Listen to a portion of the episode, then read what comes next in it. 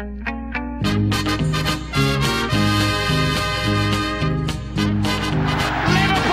are champions of Europe again. Liverpool are prize winners again. Liverpool is in the record books.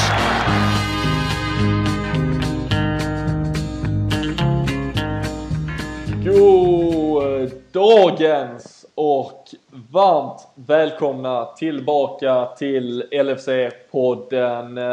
Vi gör oss redo inför en eh, ny säsong som är alldeles runt hörnet och eh, ska idag eh, försöka summera stora delar av sommaren. Där finns ju ett litet transferfönster som håller öppet ett tag till men samtidigt så är det ju om en dryg vecka på söndag vi trots allt ska vara redo.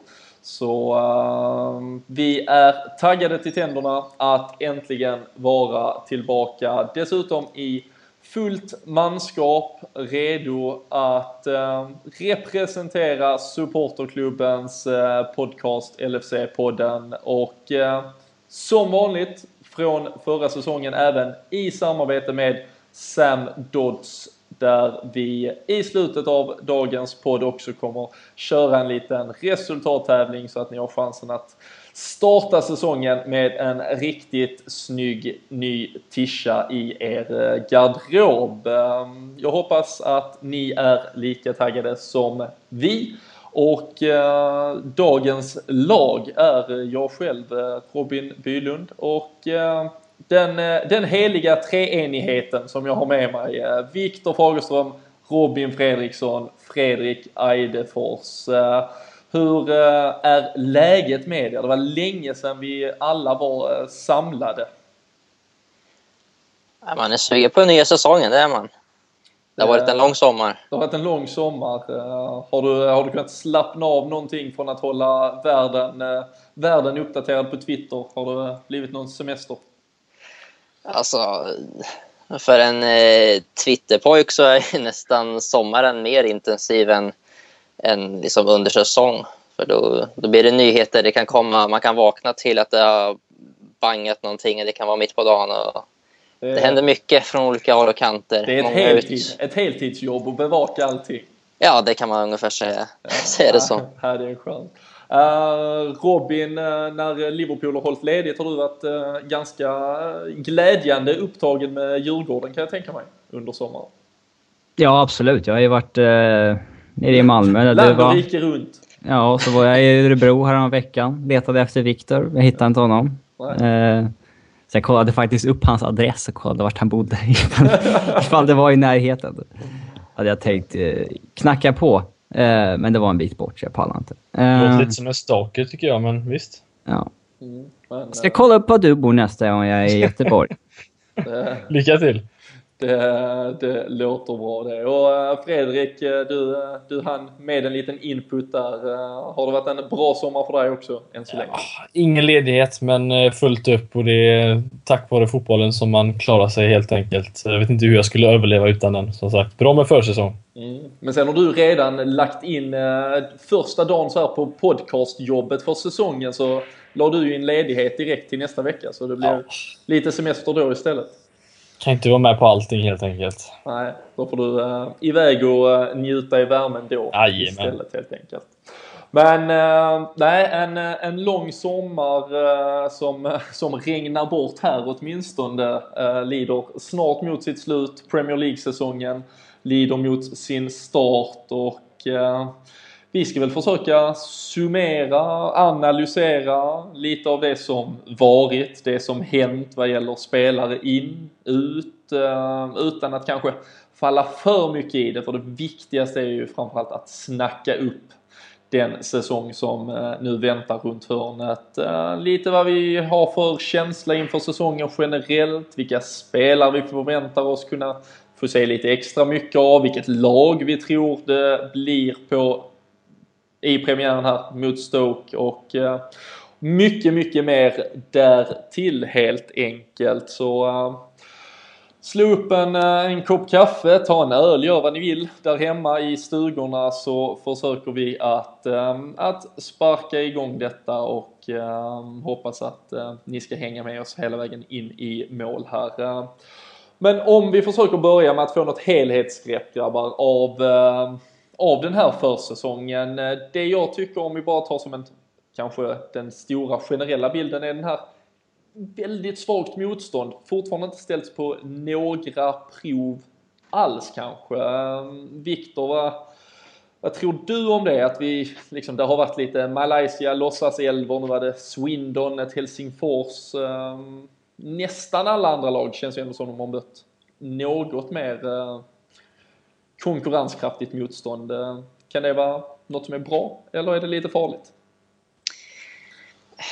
Så jag tycker man ska ha det bästa är väl egentligen att ha alltså någon blandning egentligen. Att både få med någon tour och få upp eh, fansens ögon och så och få se lag på plats liksom som i Malaysia och Australien och så vidare. Jag tror ändå det är viktigt för klubben och det är ändå tradition i Liverpool att man, man rör sig så för att, liksom, för att ha kontakt med fansen och ha det sambandet. Men jag tror även att det, att det är bra att möta på lite bättre motstånd också, inte bara HIK Helsinki och Brisbane Roar och, och liksom den kalibern. För det, det, är ändå en helt annan kvalitet i Premier League även om det är bottenlagen man möter. Mm. Det tror jag. Kan det vara, om vi, om vi tittar, vi har ju vi har snackat om det förr att vi har i stort sett bara förstärkt i offensiva positioner. Kan det vara att man Även om många kanske tycker att vi borde ha gjort mer åt det defensiva, även just försäsongsmotståndet känns ju som att vi har fått vara spelförande i lugn och ro så att vi har just kunnat kanske jobba just med offensiven. Eh, kan det vara lite fara Robin att vi inte har satt defensiven under i stort sett några som helst prov? Ja, alltså det är både defensiven och offensiven egentligen. Jag, av de lagen vi har mött så skulle väl jag hävda att inte ett enda av dem ens är liksom allsvenskt eh, motstånd. Liksom. Eh, och eh, det är lite för dåligt. Det, det, går liksom inte att lägga något värde i några prestationer från spelare i de matcherna. Det är liksom... Det är för låg nivå. Eh, så hur, jag... tror, hur tror ni det kan komma sen? Alltså vi har ändå de senaste åren har vi haft en sån här eh, Olympiakos, även om det var en, ja, lite, ja, lite charity, men Dortmund, vi har haft eh, I Valencia. vi City och de på turnén. Mm. Ja, den där Champions Cup, eller tror jag den hette, va? i kuppen i USA. Liksom, den är ju både kommersiellt bra och bra för plånboken men även liksom bra motstånd i många matcher. Där liksom, vi mötte ju United, men det var ju, alltså, det var ju klart och tydligt en försäsongsmatch. Och det, det är precis så man vill att det ska vara. Alltså, det ska ändå vara prestigelöst på så sätt att det ska inte vara några fula tacklingar eller måste vinna, måste vinna tänk, utan det ska ändå vara fokus på att det är försäsong och eh, fitnessen ska byggas upp. och liksom, Det är säsongstarten som räknas helt enkelt. Mm. Kollar man lite på hur Arsenal ser ut varje år, de har ju alltid så lite, ja, också de möter väl Malaysia och, och, den typen, men de kör ju alltid sin Emirates Cup där de får lite bättre motstånd. Så de har ju en väldigt bra blandning av försäsong och det är väl lite dit jag känner också att det är mycket roligare att se oss möta som sagt United och City eh, oavsett om det är man förlorar eller vinner just för att motståndet känns så mycket bättre och det liksom blir mer prestige ändå. Så att det är en lite bättre blandning. Nu känns det som att det är något lite mindre lag som är iväg och reser. Inte, som, inte om man kollar på publiksnittet, men framförallt bara vilka lag vi möter. Och det är ju lite tråkigt får man väl tycka då. Men som sagt, det är ju det är inte det är så mycket grejer bakom de här som, som ligger just i pengar och sånt och det är, det är väl det som styr antar jag. Mm. Men, men skulle man på så sätt egentligen, Viktor, kunna säga att det är, alltså, man ska ju aldrig döma någonting på en försäsong men ger det oss liksom ännu mindre fog att bedöma någonting? Är det extra svårt att på något sätt lyfta fram något eh, guldkorn eller säga att ditten och datten inte har skött sig tillräckligt med? Just med tanke på vilka motstånd vi har mött. Alltså försäsong då. De enda att jag tycker man kan egentligen dra, dra slutsatser av det är de som antingen hänger lite löst eller de som är på väg upp. Typ Alltså se vad alltså i början, vad, vad kan Borini göra? Liksom, hur passar han in? Eller mm, Joe Gomez eller John Flanagan eller Rossiter, liksom sådana spelare. Vad, hur klarar de av den här nivån? Alltså, ser det ut som att de är ungdomsspelare som kommer upp i A-laget eller liksom ser det ut så att de verkligen kan ta tag i taktpinnen på mittfältet och passa in och, och liksom vara en i gänget? Och, alltså, oavsett motstånd så tycker jag att det brukar vara sådana såna delar man får ta av en försäsongs liksom, turné eller uppladdning. Så. Mm. Om vi, eh, om vi försöker annars titta på, på några namn. Eh, vilka, vilka skulle du säga Robin har eh, höjt sina aktier om ändå mot, mot den konkurrens som det har varit? Ja, den enda jag kommer på spontant är väl Joe Gomez. Som eh, vi alla trodde väl skulle lånas ut. Liverpool själva hintade väl det också, men via ett par bra eh, prestationer på försäsongen ser ut att eh, faktiskt kunna gå rakt in i startelvan i premiären. Eh, det och att Moreno har varit skadad lite gör vi ju blir ju en liten sån här extra effekt men det har ju inte hjälpt Morenos liksom ganska mycket utan Joe Gomez har ju spelat som en väldigt rutinerad spelare på något sätt och inte varit rädd för någonting så att det det men det går ju fortfarande där. inte att liksom, det går ju fortfarande inte att lägga något värde i vad Gomes har gjort. Det är liksom motstånd som är så, så enormt dåligt så att det liksom, han har ju inte varit under alltså press en enda gång. Nej. Men... Jag gillar verkligen vad man sett av Joe Gomez. Han ser ut som precis... Eh, när vi värvade honom så sa jag att jag hoppas att vi gör tre, fyra sådana här per säsong.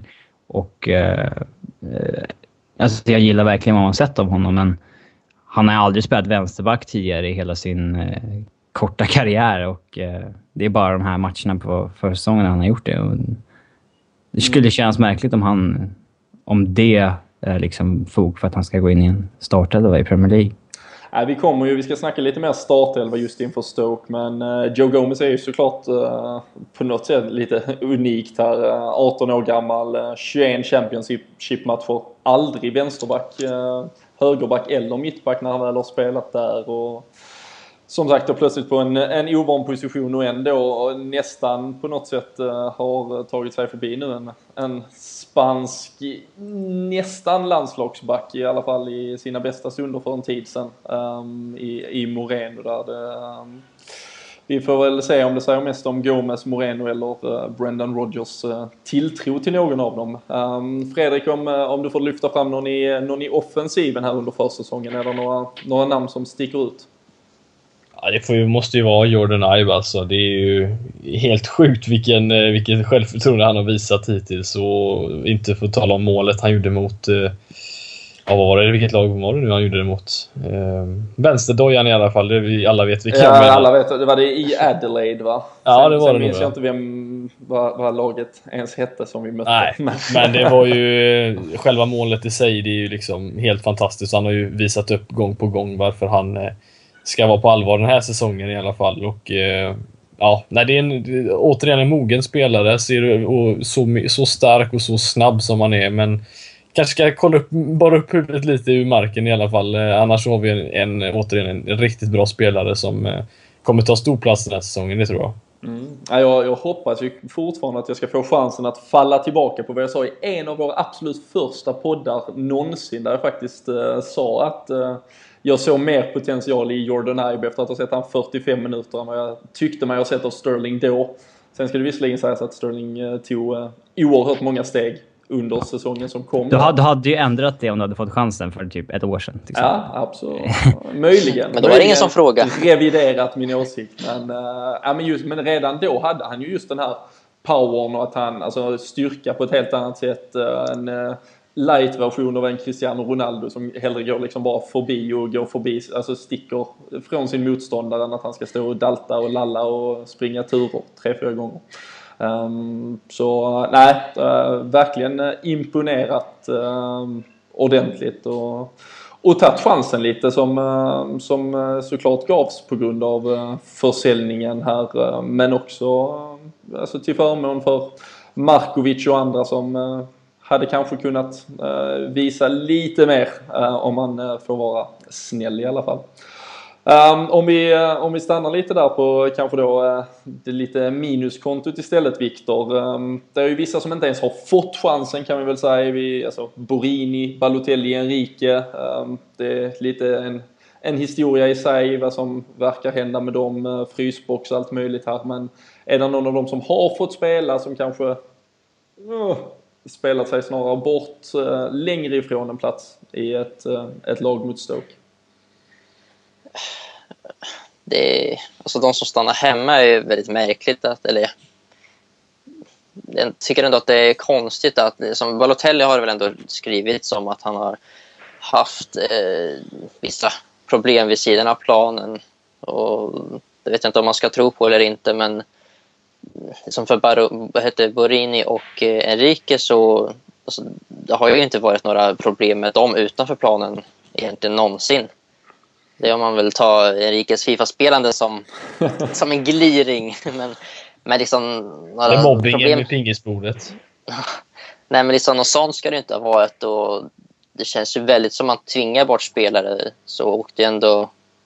Jag känner mig lite dubbel inför det. Liksom, spelare kan ju tvinga sig bort från klubbar på olika sätt, men att liksom, det är ändå klubben som har ett ansvar. De har ju köpt spelarna, betalat deras övergångssummor, betalat deras löner och lagt en x antal år i deras kontrakt för att de ska vara här. Och, och vi höjer ju inte direkt deras marknadsvärde genom att uh, låsa in dem på Melwood liksom.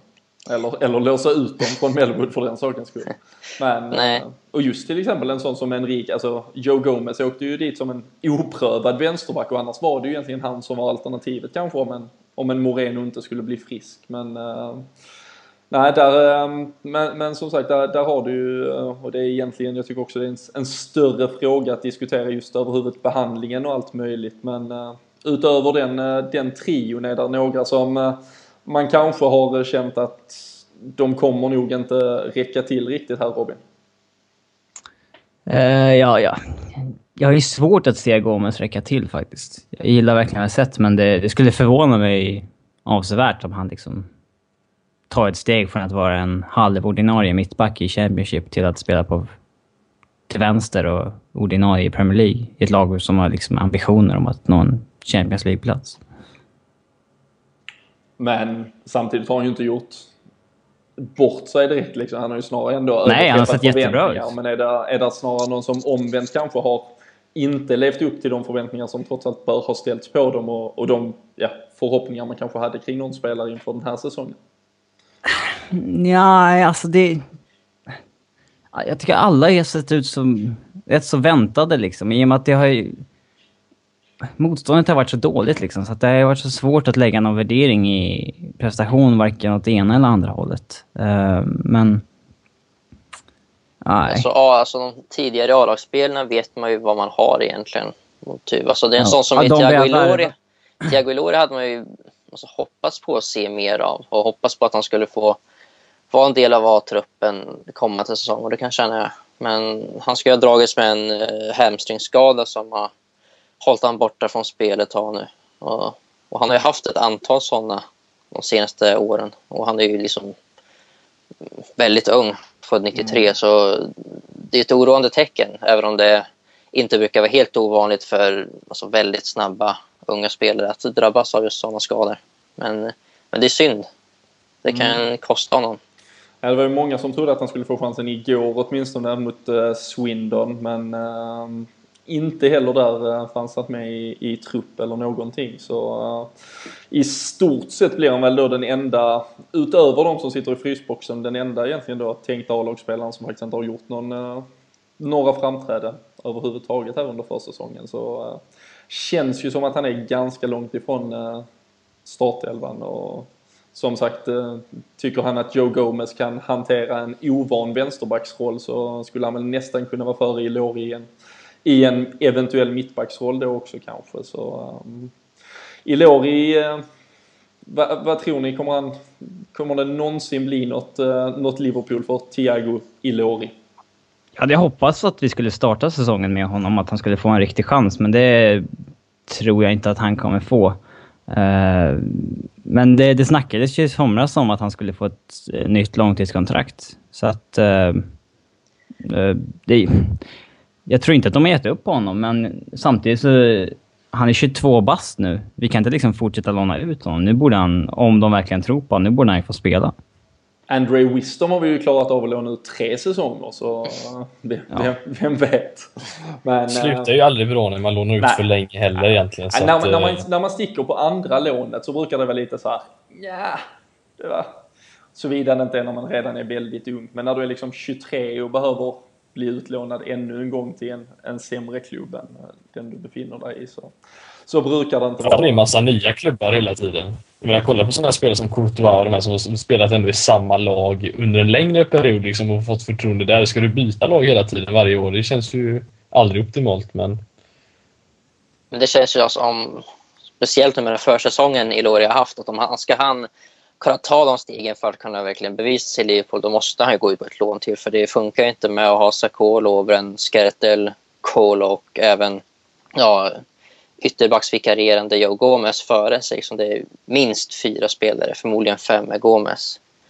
Alltså han kommer ju inte spela liksom 10-15 matcher på en hel säsong och det är ju, det är ju alltså allt han inte behöver just nu. Så jag skulle förespråka ett lån även om det ja, även om det är trist att släppa iväg honom igen. Ja.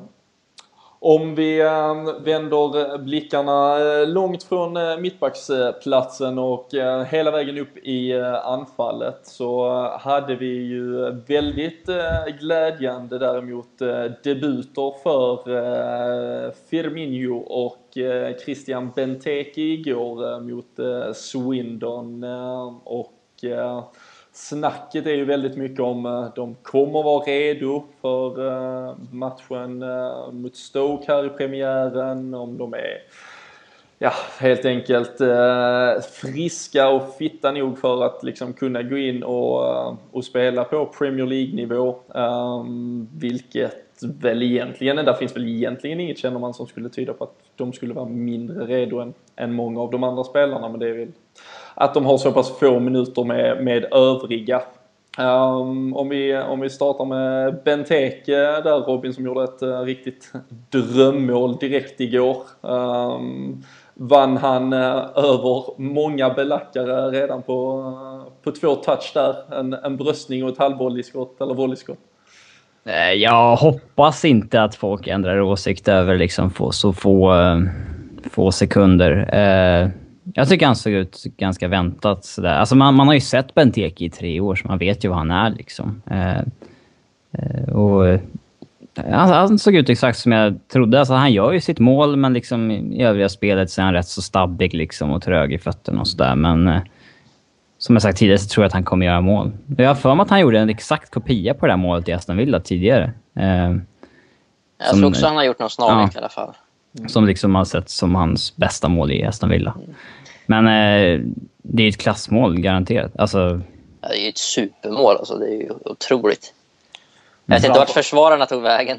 Nej, men det var en ruskig träff alltså. alltså. Men det mest imponerande är ju just liksom kylan i hur, alltså bollen hänger ju efter han har bröstat den hänger den ju i luften i typ en kvart innan han liksom smackar in den i Alltså det är så oerhört kontrollerat hela ja, alltså hela, hela situationen egentligen och hela processen ja. med, med, kroppen. Eh, så eh, nej, väldigt, eh, väldigt, väldigt snyggt. Så det, han får gärna göra fler av, av den varan med tiden här. Men, han är långt, han såg ju inte ut att vara 100% direkt och det är inte så konstigt med Alltså, han har ju knappt spelat några försäsongsmatcher överhuvudtaget. Och det var väl en okej okay match alltså spelmässigt från honom men Alltså det drömmålet gör ju allting. Det är ju det, är det som räknas i nuläget. Att få komma till en ny klubb och panga in den där. Alltså det, det måste ju vara otroligt skönt för honom. Och det, det var en perfekt start egentligen så, så mm. på det sättet. Nästan lika bra start som Ricky Lambert fick i West Bromwich, eh, får vi väl notera också.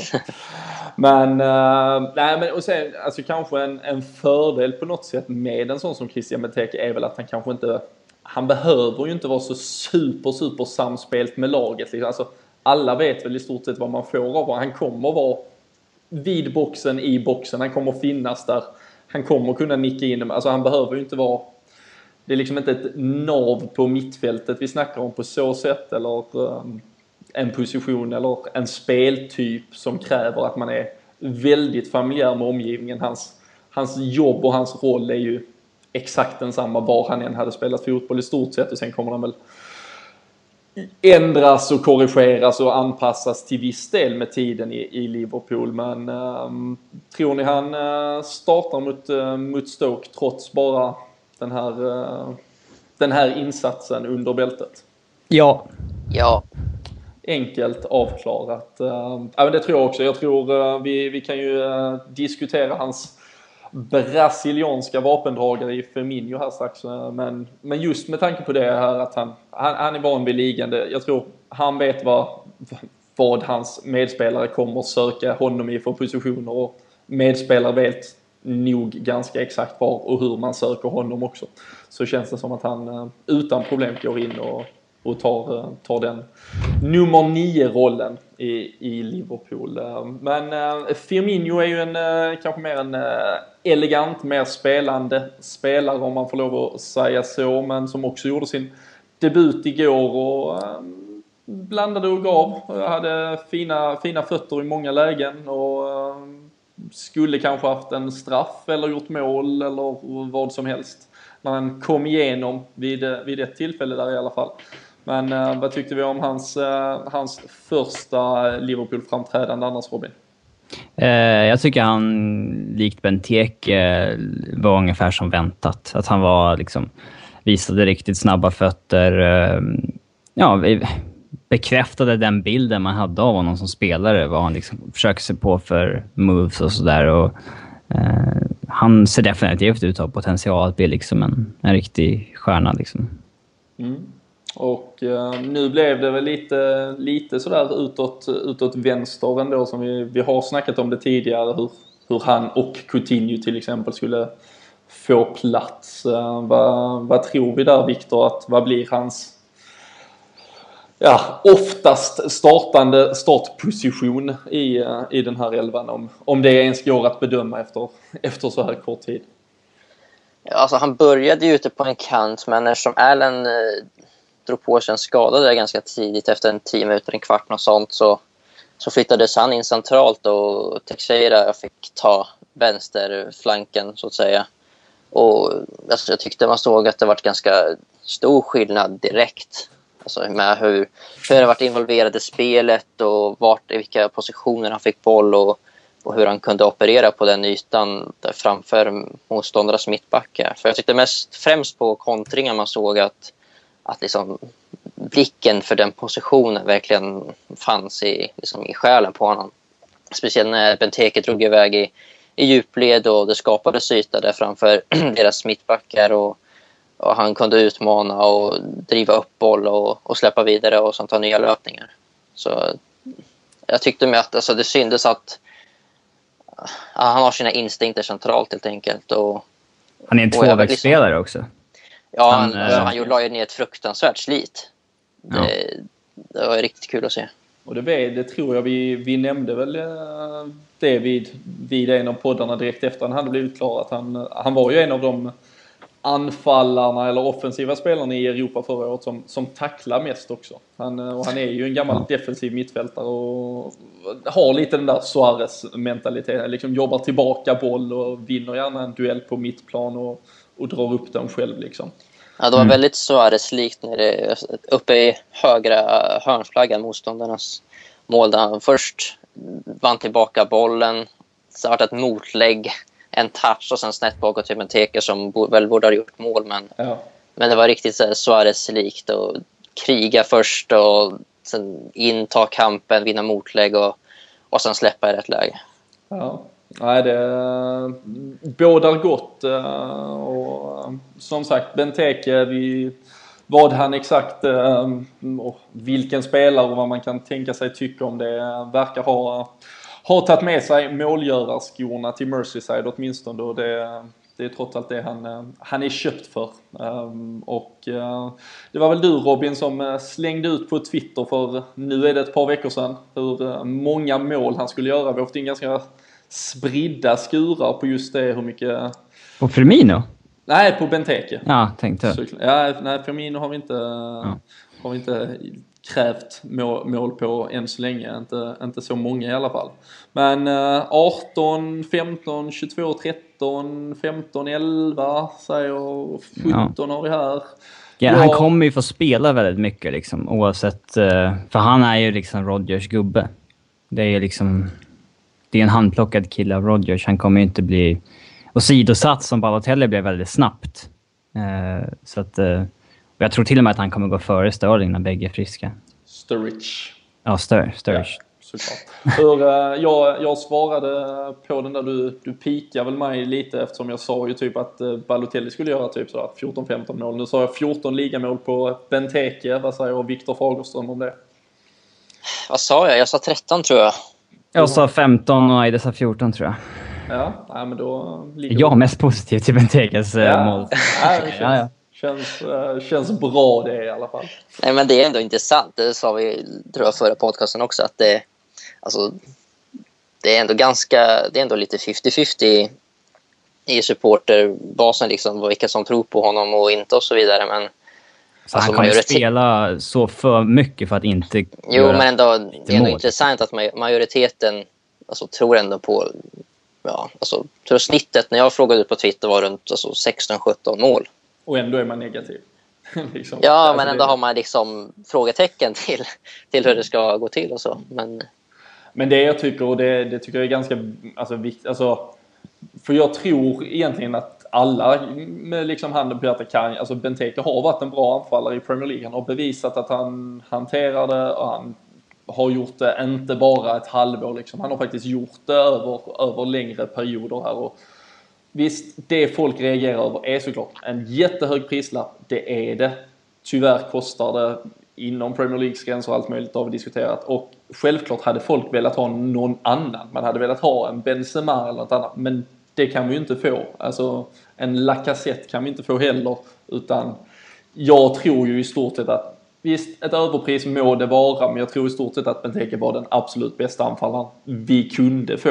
Um, om vi inte liksom ska lyckas scouta upp någon talang som plötsligt um, levererar. Men tittar man på färdiga anfallare som fanns där, som behandlar och behärskar den här rollen, um, så tror jag han är ett av de, de bästa alternativen som fanns där ute egentligen. Så om folk bortser från att eh, vi faktiskt inte kunde få så jättemycket bättre namnkunnigare och att ja, det har kostat så tror jag att de flesta är ganska nöjda och jag och jag tror att vi kommer få de där dryga 15 målen i ligan ganska garanterat. Jag känner mig klart mer trygg än med Mario Balotelli åtminstone.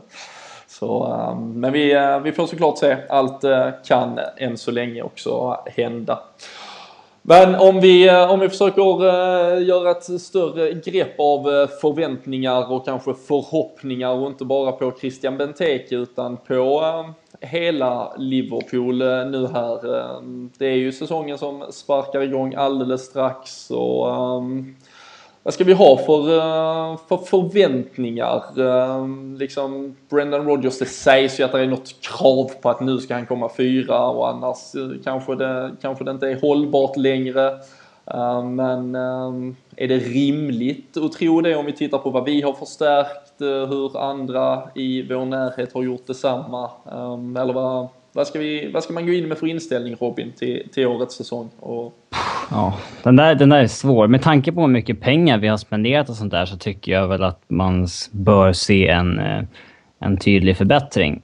Men liksom tittar jag på vilken trupp vi har jämfört med Chelsea, City, United, Arsenal så har jag svårt att se hur, vi ska kunna rå på någon av dem. Jag tror faktiskt att eh, de i topp fyra kommer vara ganska eh, ensamma där och det kan vara ett glapp på 10-15 poäng ner till Liverpool och Tottenham. Um, så jag har svårt att sätta några förväntningar på att vi ska komma fyra, men eh, samtidigt så kan man inte liksom låta Rodgers komma undan med att komma sexa bara för att han inte har värvat spelare som är tillräckligt bra. Det är ändå han som har valt ut de här. Um, mm. det... Ja, och frågan är alltså hur, alltså då kan vi ju i stort sett i all oändlighet bara acceptera att det finns fyra lag som är bättre än oss och att vi aldrig någonsin ska kunna slå oss in där liksom. Och det, det känns ju också ganska, ganska uppgivet eh, på något, eh, ja, på något plan åtminstone. Ja, vi är ju bättre än i fjol. För att vi har ju liksom knappt tappat några nå spelare. Det är liksom Sterling, Gerard och Glenn Johnson från elvan och där har vi ju eh, fått in bättre spelare. Eh, kan jag tycka, men... Eh, de andra har fan förstärkt bra, tyvärr. Det är liksom... Det måste man ändå lägga in i ekvationen att mm. United och Arsenal och de har ju knappast blivit sämre. Heller. Nej, om man tittar det framför... Alltså, de har haft bra somrar helt enkelt. Ja, jag tror framförallt Arsenal i, i form av Peter Cech eh, närmar sig verkligen. Skulle de dessutom landa en striker så tror jag att de på första gången på ett tag här nu faktiskt kommer att utmana till och med om ja, längst upp eh, tillsammans med Chelsea. Eh, det är väl City som jag egentligen inte ser kanske kommer vara hela vägen där uppe denna säsongen. Och sen hänger ju väldigt mycket för Uniteds del känns det på de Gea, soppan. Ja, vad som händer där, vem de ersätter med, om, om han blir kvar eller inte. Men ja, blir... alltså, jag är svårt att se dem bli sämre av att de har fått in Schneiderlin och Depay och Schweinsteiger och... Nej, alltså behåller de de Gea så är det bara att spika Då kan de ju utmana. Ja, ja, absolut. Det... Men um, vad, säger, vad säger du Viktor där? Um, uh, som sagt, alltså, hur, hur hårt ska man ta på det här ändå? Kravet om topp 4 när vi nu, vi ganska realistiskt ser här att alltså topp 4 är, känns ändå ganska omöjligt liksom. Alltså, jag tycker inte man kan kräva topp 4 som att liksom och tycka att det borde vi klara av. Alltså att det, det ska vara något liksom standardmål för oss. Att det, det som det ska vara minsta möjliga. För det, alltså, ska vi komma in där i den topp fyra då, då ska vi göra det riktigt, riktigt bra samtidigt som någon av de fyra klubbarna som ligger där nu ska alltså ska ha en dålig säsong. Det, liksom, det måste gå åt båda hållen för att det ska funka. Och, alltså det enda laget jag kan se av dem där uppe som har tappat från förra säsongen ordentligt, alltså tillräckligt för att det ska finnas en möjlighet är nog ändå City och de har liksom förstärkt med Sterling.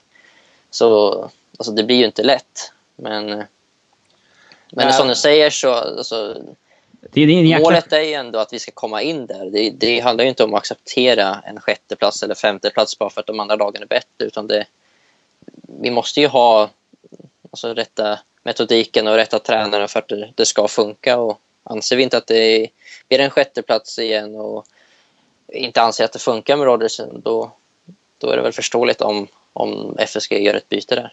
Alltså det är en jäkla skillnad på en sjätteplats och en sjätteplats. Alltså man, vi kan ju vara komma sexa och liksom haft med två omgångar kvar liksom varit med ja. i Ja, det är varit svårt med att säga så svart och vitt. Och sen så kan man ju komma sexa och vara 17 poäng ifrån.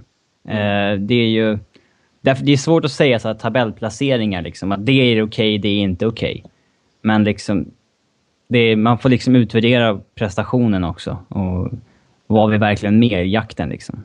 För så kan man väl säga om man tar förra säsongen och, och förrförra, så egentligen förrförra hade vi kommit, att vi nu kom tvåa, hade vi kommit fyra den säsongen egentligen hade det ju varit fortfarande på något sätt en fantastisk säsong kontra förra där vi Alltså där höll vi på, vi kunde lika bra typ blivit nia liksom med så här två, tre poängs marginal i slutändan liksom och då då, eh, ja, som du säger, eh, placering är inte alltid allt men eh, samtidigt är det ju det där strecket som ger Champions League, eller inte ja. Champions League som ändå um, i slutändan också blir, som, som skapar den där svartvita uh, ja, indelningen till, till sist i alla fall. Vi, vi har ju kommit fyra något år när vi, eller jag menar precis utanför fjärdeplatsen, typ sexa och liksom haft ett eller ja, jag tror att det var med Daglish eller någonting när vi kom sjua eller någon säsong innan med Benitez när vi kom sjua någonting och vi hade liksom färre poäng ner till nedflyttningen vi hade upp till topp fyra typ. Ja. Eh, det är en... Ja. Då är man ganska långt borta. Ja. Men eh, om ni ska... Eh, vi, vi har jag för mig att det var i alla fall. Ja, nej, men det, vi, vi har ju haft många av de här sjätte, sjunde, till och med en åttonde plats där det liksom, då är det, då är det ganska illa. Men om vi ska försöka oss på en tippeli topp uh, fyra, uh, hur, vi, hur vi tror det här uh, slutar och vi lägger hjärtat åt sidan och låter hjärnan stå för stå för matematiken. Eh, vi tippade ju förra året och eh, alla hade väl Chelsea åtminstone som vinnare, eh, har jag för mig. Sen var det några, några spridda skurar.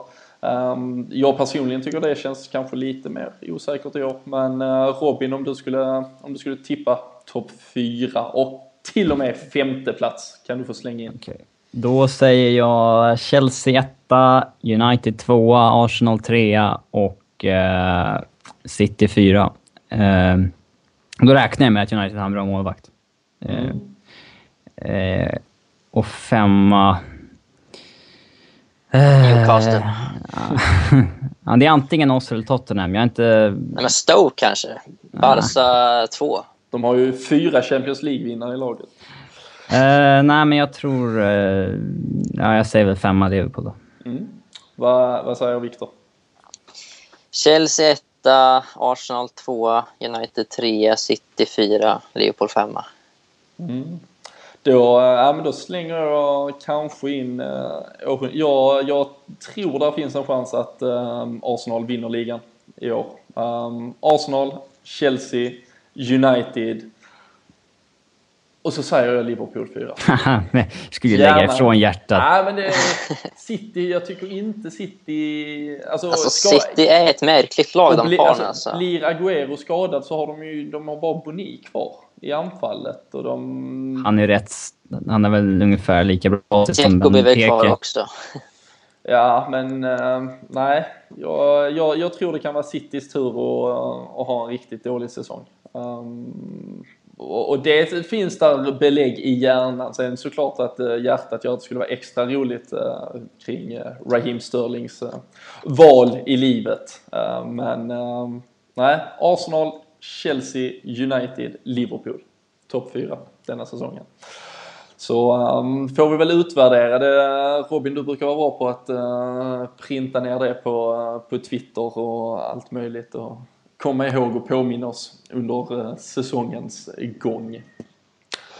Men um, om vi nu ska kunna komma fyra eller femma eller vart vi än ska komma så krävs det ju att vi såklart eh, levererar och um, allting börjar mot Stoke till helgen och uh, självklart är ju allt snack nu i stort sett handlar ju bara om vilken elva det blir som eh, får, eh, får kliva in på Britannia och försöka ja, rädda lite av äran från allt som skedde där i sista matchen förra säsongen när vi förlorade väldigt snöpligt med tennissiffror. Um, vad, um, vad, vad tror ni kontra om vi ändå lägger ihop vad som verkar troligt, vad vi hör från journalister, vad vi har sett på försäsong. Uh, om vi börjar nerifrån uh, utan att ens gå in på Mignolet utan uh, börjar med en en backlinje, Viktor. Vad, vad, vad tror vi och vad lär det bli från Brendan Rodgers sida till helgen?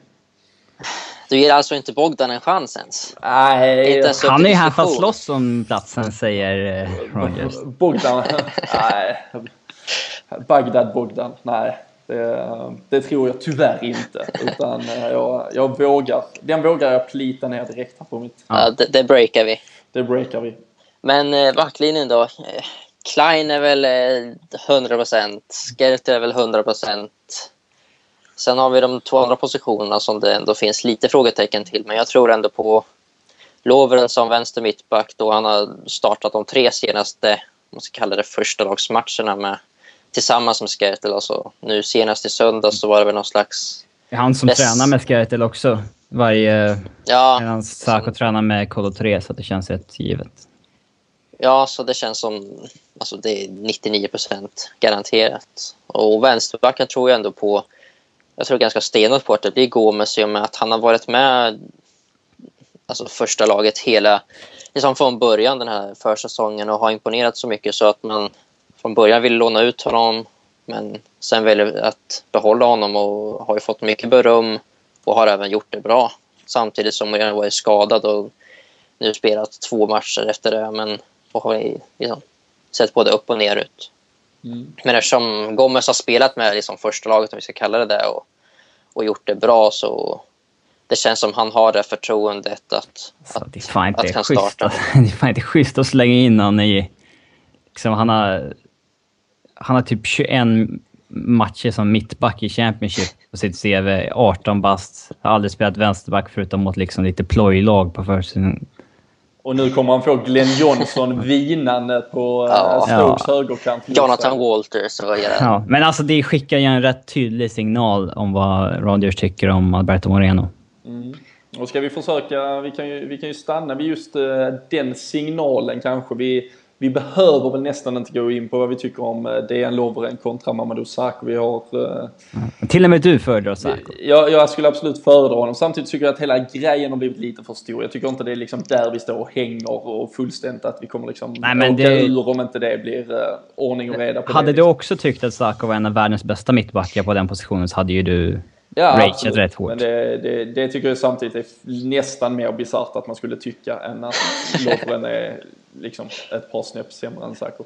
Men um, om, vi, om vi stannar just vid Gomes Moreno där. Vi har ju snackat mycket Gomes framförallt men vi har egentligen uh, att, att det hela på något sätt bygger på misstron till Alberto Moreno. Det här är alltså en en värvning som vi liksom kämpade hela sommaren uh, förra året med att egentligen få till vi får honom framför näsan på en, en del. Då var han ju liksom up and coming Spaniens nästa vänsterback i stort sett och spelar eh, för VM och lite, eller inte för men liksom var med i hela spanska truppen inför och liksom han varit där uppe och nosat och liksom en av La Ligas och även i Europa League så sken han liksom som en sol och, och nu plötsligt är han, är han petad av en 18-åring out of position eh, kille här och är det liksom det klassiska som jag nämnt så många gånger för att det här inte var Brendan Rodgers värvning och nu plötsligt så använder han det, typ det måste... 6-1 förlusten mot Stoke att uh, han inte kan försvara och, och, lite annat som ursäkt. Det måste ju vara så. Alltså det... Jag, jag, tycker fortfarande inte att det är rimligt att betala så pass mycket pengar. Vi tyckte att det var typ ett fynd då, för det ryktades ju om ännu mer pengar när, innan. Men när vi fick kanske 12 miljoner pund att... Eh, Ja, det var väl uppe i 20 miljoner pund och sen 16 och så var det väl 12. Ja, och ja, United köpte Luke Shaw för typ tre gånger så mycket liksom. Ja, vi... Alltså... Men liksom det är... Det är för dåligt skött av en klubb tycker jag. Att, liksom, att värva en spelare för så mycket pengar och liksom sen liksom, ha haft så dålig koll på honom att det liksom inte är någon som managern inte ens gillar. Och, och att det liksom, alltså, defensiven är inte hans styrka kanske. Alltså då vill ni ha nej, en men man, man defensiv visste stark för så får ni värva. Aspilicueta. Man, man visste ju för fan vad han var när man köpte honom. Ja. Och sen när man väl har köpt honom, då tycker jag ändå att Rodgers får ju själv liksom ändå... Alltså, satsa på... Alltså det, det var ju samma sak med, med Balotelli till exempel. Att, varför ska man ens köpa killarna om man inte ens tänker liksom satsa på dem? Ja, det... Alltså, Alltså om Moreno det är så illa att han inte vågar spela Moreno i Premier League nu, eh, utan hellre sätter en 18-åring som aldrig spelat vänsterback förut där, då måste de ju värva en ny vänsterback. Ja, och, och så har man ändå satt José Enrique som på något sätt liksom defensivt lagom solid är han väl på något sätt. Liksom. Han har man satt i frysboxen också samtidigt. Och, jo, ja, eh, eller är det att han går och väntar på Flanagan?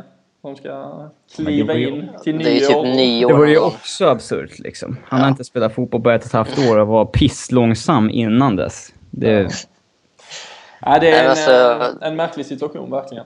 Victor. ja, men det här med försvar är ju inte Rodgers grej riktigt. Eh, så att vi... Och gjort lite av en sån här liksom strutsfadäs och bara stoppat huvudet i sanden under hela försäsongen. Vi möter några bonkegäng, vi kör kvar med samma och så, och så hoppas vi.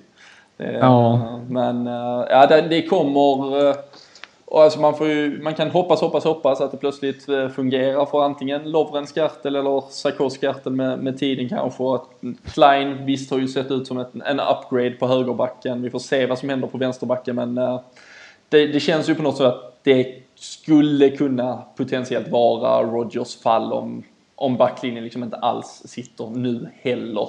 Om det går 5, 6, 7 matcher och vi gör två framåt men släpper in tre bakåt liksom eh, varje gång. Vilken backlinje hade ni valt om ni fick välja då, bara snabbt?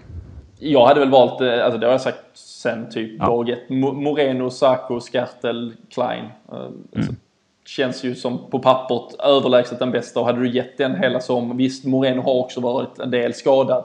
Men det känns som det förnuftiga hade varit att ge den chansen hela sommaren och försöka bygga Så även om det blir någon pissmatch, liksom, håll fast. Vi, vi, vi har ju inget att tjäna på att börja kasta om. Nej, och Nej, det det har ju det- varit ute med och sagt alltså, nu under försäsongen att det, förra säsongen så vart det mycket byten och så i backlinjen men att han nu vill vill ha en mycket mer alltså, konsekvent backlinje att spela med.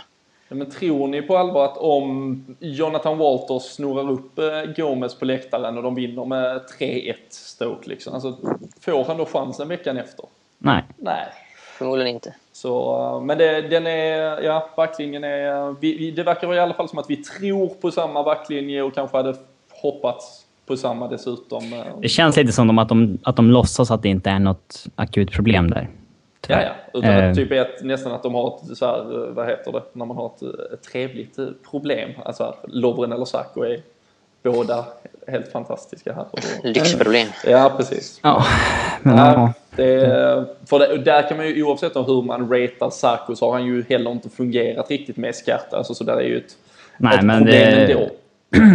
Vi som gillar Sarko tycker väl inte att det är han som är problemet i den duon. Nej, men, eh, men då är ju ändå problemet att då skulle han ju spela med Lovren istället om vi bara tittar till vad som, vad som finns. Nej, jag hade hellre spelat... Om Emre. Can inte ska spela på mittfältet ordinarie så hade jag hellre spelat han som höger mittback bredvid Sarko. Ja. Vi, eh, Ja, då får jag i alla fall spela. Precis. Ja, som han ändå inte ska spela på mitten liksom. Det, för det kommer han ju nog inte få. Nej. Om vi går vidare till mitten. Precis, vilken snygg brygga du byggde där. Men ähm, ett ähm, tre man och mittfält, fyra man och mittfält, vi kan väl kalla det lite vad vi vill och om det blir någon diamant eller hur vi skruvar och, och, och böjer och bänder här. Men äh, vågar väl plita ner äh, Jordan Henderson, äh, James Milner och Coutinho om vi ska kalla dem mittfältare alla tre åtminstone. Äh, eller är det någon som vågar säga emot? Det Nej, är det nog de tre. stensäkert.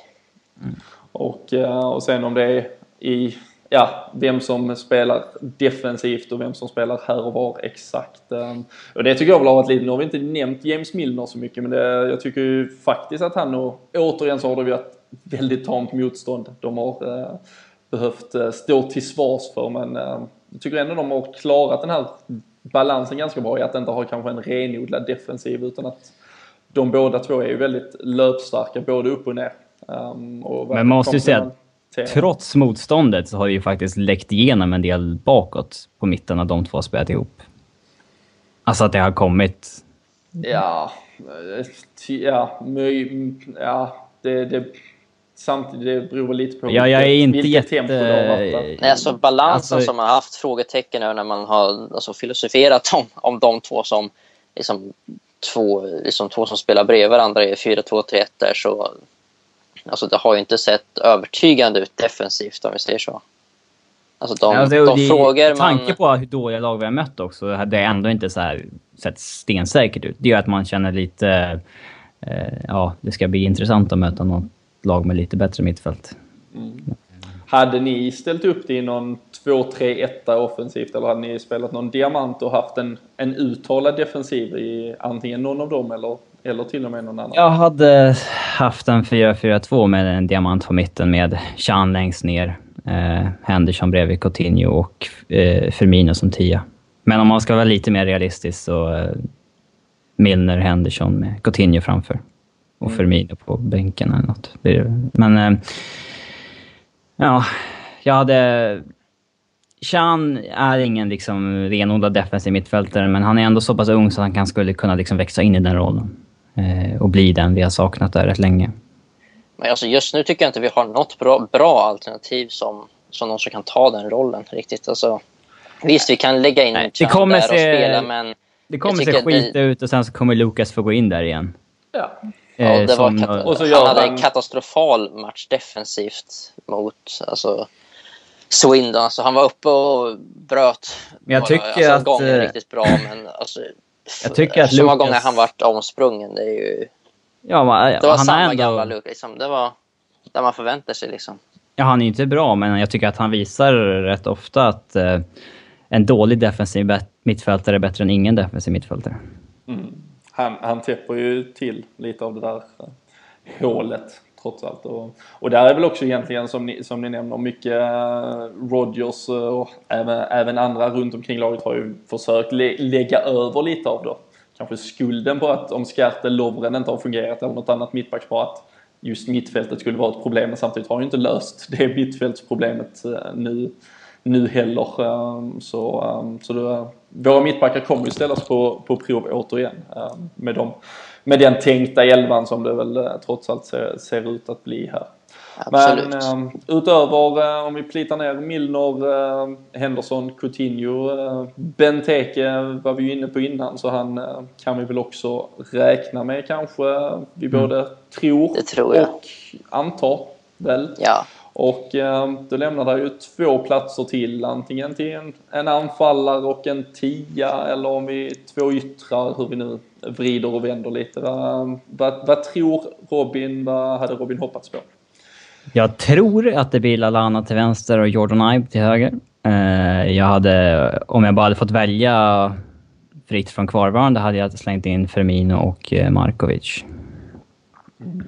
Men Markovic har inte sett så bra ut den senaste tiden. Nej, han är ju knäckt. Ja, Alltså- ja, men han ser förstörd ut. Hade du startat Markovic för Ibe? Sa du det? Hörde Ja, men alltså, det är en kille med superpotential. Alltså jag hade velat få Jo, igång hans alltså- självförtroende igen i alla fall. Men eh, alltså... Alltså Ibe är ändå en rätt lång bit från en startelva. Ja, det, där, där möjligen går våra åsikter isär. Alltså jag Alltså, hade, ju- Lallana- jag hade ju ändrat hela an, resten av uppställningen från början. Ja, du hade Ja. Du sålt halva laget. Och, Helomvändning där. men eh, vad säger du Viktor kring eh, anfallsyttrarna? Eller vad vi ska... Nej, men Lallana Ibe känns eh, ganska spikade tycker jag. För att starta. Det tror jag, tror jag verkligen att det kommer bli. Sen alltså, Ibe, med den formen han har, han har väl nästan varit vår starkast lysande stjärna offensivt. Coutinho såg ju väldigt bra ut i den matchen han gjorde. Kom tillbaka i väldigt bra skick på försäsongen men liksom, Ibe tycker jag är den som har varit mest produktiv och kreativ av de offensiva spelare vi har. Eh, det är väl Alana jag inte är överförtjust i och fortfarande tycker borde vara en liksom, squad player. En, en liksom, bänkspelare. Men å andra sidan så vet jag inte om jag tycker att eller tror och vet om Firmino riktigt är liksom, är tillräckligt eh, fit Ja, ja. nog för att kunna komma in och Men samtidigt känns det, för du, som du nämner, liksom att man tycker väl att Lallana ska vara en squadplay och det, det känns väl som att den dagen Firmino säger att han är liksom 110% så kommer väl Adam Lallana till, till all sannolikhet att faktiskt vara den squad Ja, alltså det är en svår avvägning att göra sen när vi har sett Firmino i en match och liksom ny spelare ny från nytt land och allt sånt där. Det, Men tror det ni är att det väldigt är svårt att veta vart som, han står. att det är en kant som gäller för Firmino då? Alltså han började planen var ju att spela honom som en alltså kant, sen är det väl modifierad roll och så, men, men det var ju en kantroll han hade ändå i, i som första tio minuterna mot Swindon. Det var lite trist kanske. Alltså jag, jag tror väl kanske att det är liksom någon form av på sikt det optimala, om än att det skulle vara liksom ett väldigt offensivt lag, är väl att liksom få in eh, möjligen då skola en, en Henderson eller, eller Milner, inte skola, men liksom att de, en av dem får mer det defensiva ansvaret på, på sina axlar trots allt och att Coutinho tillsammans med den andra spelar, spelar i då nummer åtta och nummer sex och sen Firmino i tian egentligen och, och Sturridge Benteke i stort sett som Ja. anfallare. Det var ju det jag ville ha med Coutinho bredvid Henderson och Firmino framför, men eh, då lämnade ju ut eh, Milner och han kommer ju ändå spela. Ja, och dessutom nu- just nu har vi kanske inte två anfall. Alltså att, att Vem skulle då spela stå- topp med Benteke? Så då får vi kasta in en Ings från Burnley eller Origi Ja, som är liksom, kanske borde gå på lån istället. Det är inte heller optimalt. Nej. Så äh, vi verkar vara ganska eniga om vad vi tror åtminstone. Lite, lite varierade synpunkter till vad vi kanske hade hoppats. Men äh, om det blir som vi tror, om det blir som det sägs, äh, så har vi alltså en, en Mignolet, Klein, Skertel, Lovren, Joe Gomez. Vi har Milner, Henderson, Coutinho, Lalana Ive och sen då Christian Benteke längst fram. Ehm, det här laget kontra det som jag åkte och förlorade mot Stoke med 6-1 senast. Vad, eh, vad, kan vi, eh, vad kan vi förvänta oss och vad tror ni nu eh, att det här laget kan åstadkomma på Britannia i så fall? Man har ju klar potential att vinna, men jag tror att det blir en ganska misslyckad premiär med så här 0-0, 1-1 eller 2-2 liksom. Ett kryss helt enkelt. Mm. Ska, du, ska du ge dig in i resultattippet när du ändå... Ja visst, vi säger väl 2-2. Vi gör 1-0, sen gör de två mål på hörna och sen så gör vi 2-2 sent. Tjusigt. Det var mer detaljer än vad som krävdes här. Men, eh, ja, inga målskyttar fick det dock, nej, men... Nej, men det, nej, när jag fick hela scenariot så känns Charlie Adam kommer göra mål, det tror jag. Absolut. Viktor, eh, vad tror du? Jag säger väl eh, 2-1 vinst då. Snyggt. Ja, alltså Stoke är lite lurigt lag. Ja, det märkte vi inte minst förra säsongen. Utan, eh, jag tror det blir svårt att hålla nollan med, med vårt mittbackspar, med oprövad Gomes, med den mittfältsbalansen vi har på innermittfältet. Och Vi har inga Stoke. Stoke brukar vara ganska bra på att utnyttja sånt mot oss. Mm. Men Ja, lag är även om, även om de är utan en alltså. Sonsi nu. Han gick väl till eh, Spanien va? Ja, Sevilla. Typiskt Monchi-värvning att se en så här potential Mm. som kille. Det, Ja, Ja, är, men det- är Bojan tillbaka förresten? Är han spelklar igen efter sin... Georgic. Ja. Nej, inte George. jag bara säger ja. ja men, ish och ish. Men, Nej, jag, jag, jag har ingen koll på Stokes. Det, Det spelar ingen roll. 2-1 tror Viktor i alla fall. Jag, jag säger 1-1. Um, Benteke gör, uh, gör Liverpools jag tror också Benteke gör mål. Ja. 2-2 mål. Jag sa att Firmino skulle måla sin debut, men eh, frågan om det räknas om han kommer in i typ 20 minuter. Ja. Vi får Ah. se.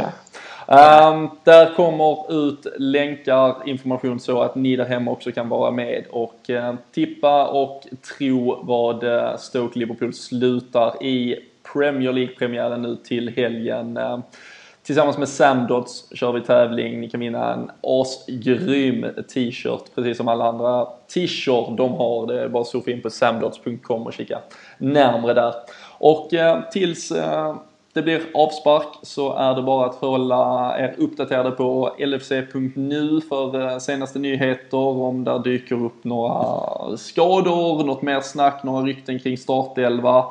Det ska ju sägas att det är mycket snack just nu i detta när vi sitter och spelar in detta om Adama Traoré också från Barcelona som vi inte har hunnit med eh, att diskutera så mycket om. Men eh, det kan ju mycket väl vara att han nästan är klar för Liverpool när detta kommer ut. Men eh, det blir i så fall mer om det på, på hemsidan som ni kan läsa eller så får vi säkert anledning att ta upp det om en vecka igen när vi hörs. Men ha det bra tills dess så hörs vi.